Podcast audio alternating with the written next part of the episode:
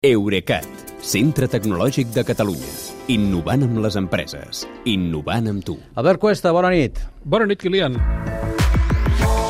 Avui anem de nous mòbils de la marca Google, els ha presentat avui, marca pròpia, Pixel 7.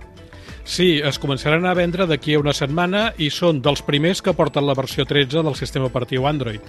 I hi ha dues variants, les dues en pantalla plana. El Pixel 7 bàsic és de 6,3 polzades i dues càmeres, costarà 649 euros, i el Pixel 7 Pro eh, té 6,7 polzades i tres càmeres, i el preu 899 euros. Ja.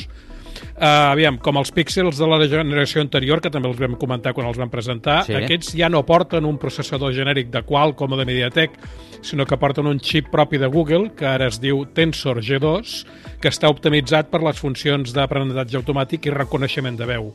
O sigui que en aquest aspecte dels xips, Google segueix un exemple, eh, l'exemple clar, el d'Apple, que fa molts anys que equipa els iPhones amb processadors propis que són exclusius per ella. I en què es noten les funcions d'aquest xip exclusiu? Doncs, per exemple, detecta la tos i els roncs i quan vols posar un emoji en un missatge li pots dir amb la veu quin vols. Ja. Però, sobretot, eh, es nota amb la fotografia i el vídeo, que darrerament també et dic que són el que més diferencia un telèfon d'un altre.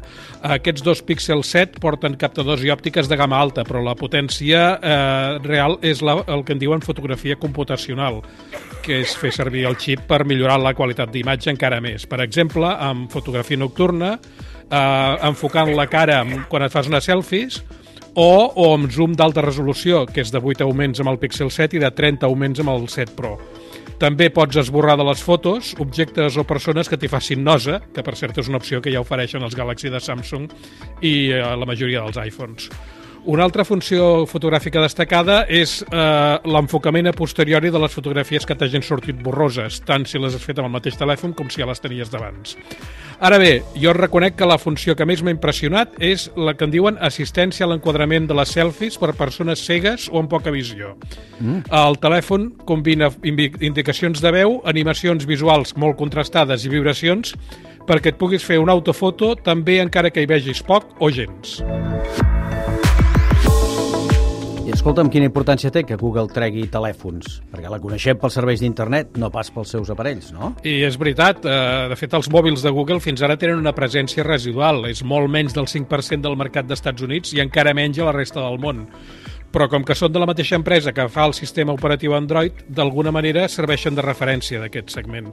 De tota manera, jo diria que ara Google s'ha proposat captar més compradors eh, perquè es diu que li, coman- li han comanat amb el seu proveïdor que li fabriqui el doble d'unitats dels Pixel 7 que, que el que ho va fer del model anterior. I fins a cert punt, amb això els hi estaria fent la competència a les altres marques que fan servir Android, com Samsung, Xiaomi i d'altres.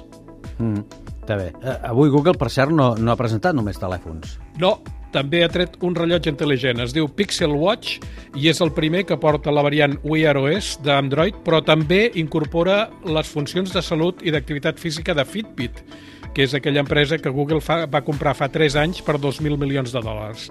I gràcies a això, aquest nou Pixel Watch que porta que té esfera rodona de 41 mil·límetres, o sigui que no és una còpia de l'Apple Watch amb esfera rectangular com la majoria dels altres, doncs aquest ja arriba amb registre de ritme cardíac, electrocardiograma, detecció de fibrilació, monitorització del son i amb això es posa l'alçada dels rellotges d'Apple i de Samsung, que també fan tot això. Això sí, el sistema de pagament Fitbit Pay ha desaparegut i ara eh, és Google Pay, que, i això és millor perquè té acords amb més bancs. Uh, ara, ara bé, l'autonomia de la bateria no s'acosta ni per casualitat a la, del, a la que tenen els rellotges Fitbit. Però de tota manera, per això no cal que ens amoïnem, perquè de moment aquest rellotge Google no té previst vendre'l. Ja. Per tant, qui no es consola és perquè no vol una mica, S- eh? Seria això, sí. eh bona nit, Albert, fins demà. Fins demà, Kilian Bernit. Eurecat, centre tecnològic de Catalunya. Innovant amb les empreses. Innovant amb tu.